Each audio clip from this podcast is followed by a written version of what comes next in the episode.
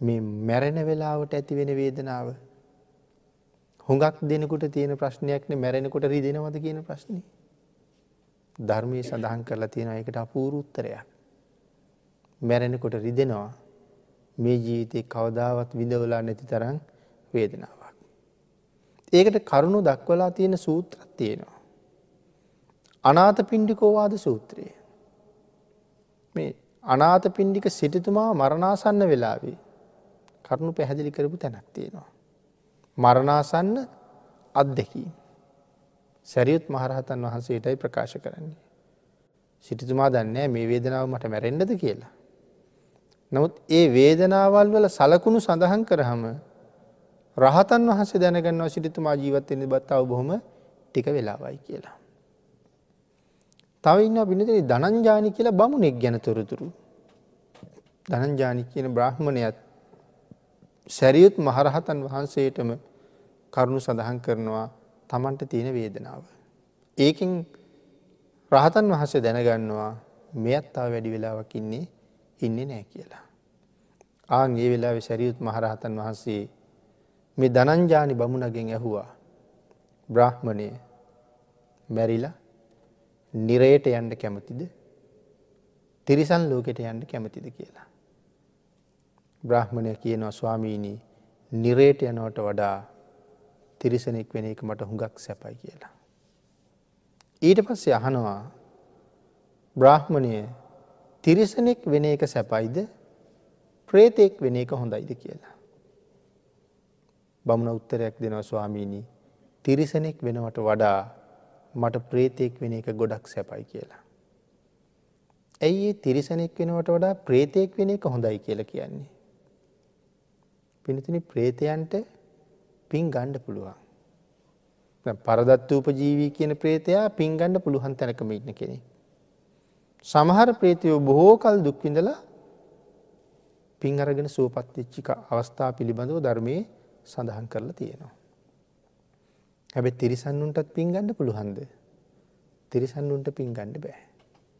ආං ඒ හින්දා ප්‍රේතාත්මයට වඩා ඉතාම පල්ල හැතියෙන ආත්මයක් තිරිසං ආත්මය. ඒ නිසයි මෙයා කියන්නේ තිරිසනෙක් වෙලා ඉපදිනවට වඩා ප්‍රේතෙක් වෙන එක හොඳයි කියලා. ඊනකට රහතන් වහන්සේ හනව බ්‍රහ්මණය ප්‍රේතයෙක් වෙනවට වඩා මිනිහෙක් වෙන එක හොඳ නැද්ද කියලා. මෙය කියනව ස්වාමීණී ඒ අවස්ථාවට එන්ඩ පුළුවන්නම් මට කොයි තරං වටිනවාද. ඊට පස්සේ අරගෙන යනවා මිනිහෙක් වෙනවට වඩා දනංජානී දෙවියෙක් වෙන එක හොඳ නැත්ත. හරිම සතුටුයි. දනංජානි දෙවියෙක් වෙනවට වඩා බ්‍රහ්මයෙක් වෙන එක හොඳ නැද්ද. ස්වාමීණී මට එතෙන්ට යන්න පුළුවන්ද. දනංජානී මම බඹලෝට යන පාර කියල දෙනවා. පුළුවන්න යන්ට කියලා. දැන් දනංජානී ඉන්න මරණ මංචකි. සැරියුත් මහරහතන් වහන්සේ දන්නවා දනංජානි මැරිච්ච ගමන් යන්නේ අවිචීට කියලා. ඒ වෙලා රහතන් වහස අනුකම්පා කරනවා අවිචිය තරම දනංජානි දන්න නැතිවුණාට ඔබයි මමයි දන්නෙත් නැතිවුණාට සැරියුත් මහරහතන් වහසේ හොඳට දන්නවා. ඇයි උන්වහන්සට ඒක පේනවා. ඔබත් මමත් ඕන තරම් අවිචී හිටපු අය. ඉහේ තියෙන කෙස්ගස් ගාන්ට වඩා ඇගේ තියෙන ලෝම ගානට වඩා ඉපදිච්ච දවසිඳලා ඔබේ පයට පෑගිච්ච වැලියට ගණනට වඩා අපි අවිචී හිටපු අය. ඒ වනට අපිට දැම් මතක මතක නෑ. නමුත් රහතන් වහන්සේට ඒක හොඳට පේනවා. උන්වහන්සේ දන්න අවිචයේ තරම. ඒ නිසා රහතන් වහන්සේ කල්පනා කරනවා. මමවාගේ සත්පුරුෂයෙක් ළඟ ඉඳලත් දනංජානි මැරිලා අවිචයට යනවනම් එක මහාපරාධයක්. එහිද දනංජානී අවිචිය මුදව ගණ්ඩ මෝන කෙළ හිතු අමක දනංජානි කෙනෙ ගොඩ පවකරපු කෙනෙක් හොරකං කරපු කෙනෙක් දනංජානි කියන්නේ. සාමාන්‍ය හොරකං නෙමෙයි. මිනිස්සු මං කොල්ල කාපු කෙනෙක්. රජ්ජුරුවන්ගේ රාජ සභාව හිටපු ඉහල නිලධාරියෙක්. අපි කිවත් ඇමතිවරයෙක් වගේ කෙනෙක්. මෙයා තමයි බදු එකතු කරන්නේ. මගේ රාජ සභාව හිටපු අමාත්‍යවරයෙක්. ය තමයි බදු එකතු කරන්නේ. හැබැ රජ්ජුරු හරි ධර්මිකයි. රජ්ජුරු කියල තිබ දනංජානී ඈත පිටිසර ගම්දන බොල මිනිස්සුන්ට කණ්ඩත් නෑ. හරියට වතුරත් නැති නිසා ගොයිතනක්වත් පැහෙන්නෙත් නෑ. අහිංසක මිනිස්සුන්ගෙන් ගොඩාක් බදු ගණ්ඩිපා කියලා. ඒ මිනිසුන්ට කණ්ඩ බොන්ඩ ඉතුරු කරලා ටිකක් ගණ්ඩ රජය නඩත්තු කරන්න. දනංජානි ගිහිල්ලා අර මිනිස්සුන්ගේ තියෙන ඔක්කොම දේවල් ගන්නවා. මිනිස්සු අන්ඩනවා දරුවන්ට කණ්ඩනෑ දරුවන්ට ඉගෙන ගණ්ඩ නෑ අපිට ඉන්ඩ තැනක් නැතුව යයි අය වැඩ කරගන්න ඉඩන් කෑල්ලක් නැතුව යයි ඔක්කොම ගෙනියන්ට එපා කෙල්ලා දනංජානි කියනවා මට කියල වැඩක් නෑ ඒක රාජාඥාව. එහෙම ගෙනල්ල ඔක්කෝම දනංජානිගේ බාණ්ඩාගාරයට දාගෙන රජ්ජුරුවන්ට ගෙනහිල්ල දෙන්න බොහොම ටිකයි. මේක සැරියුත් මහරහතන් වහසට ආරංචි වුණා.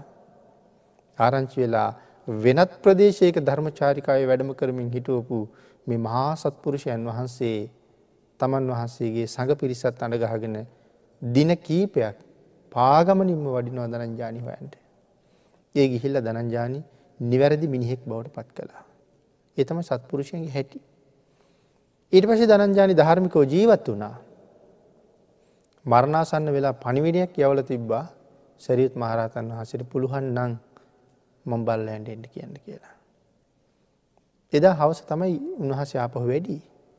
වැඩල තමයි මෙයාගේ අසනී පයහප හම දන්නවා තව ටික වෙලාව ඉන්නේ මෙරල කොහෙද යන්න කියල බල හම අවිචයට බේරගණ්ඩුවන නිසා තමයි මේ කරුණු ටික අහගෙන යන්නේ. අන්තිමට මෙයා කිවන මට බඹලෝ යන්ඩත් පුළුවන්ද කියලා. ඉටසි සඳහන් කළා පාර කියල දෙන්න උත්සාහ කරන්න.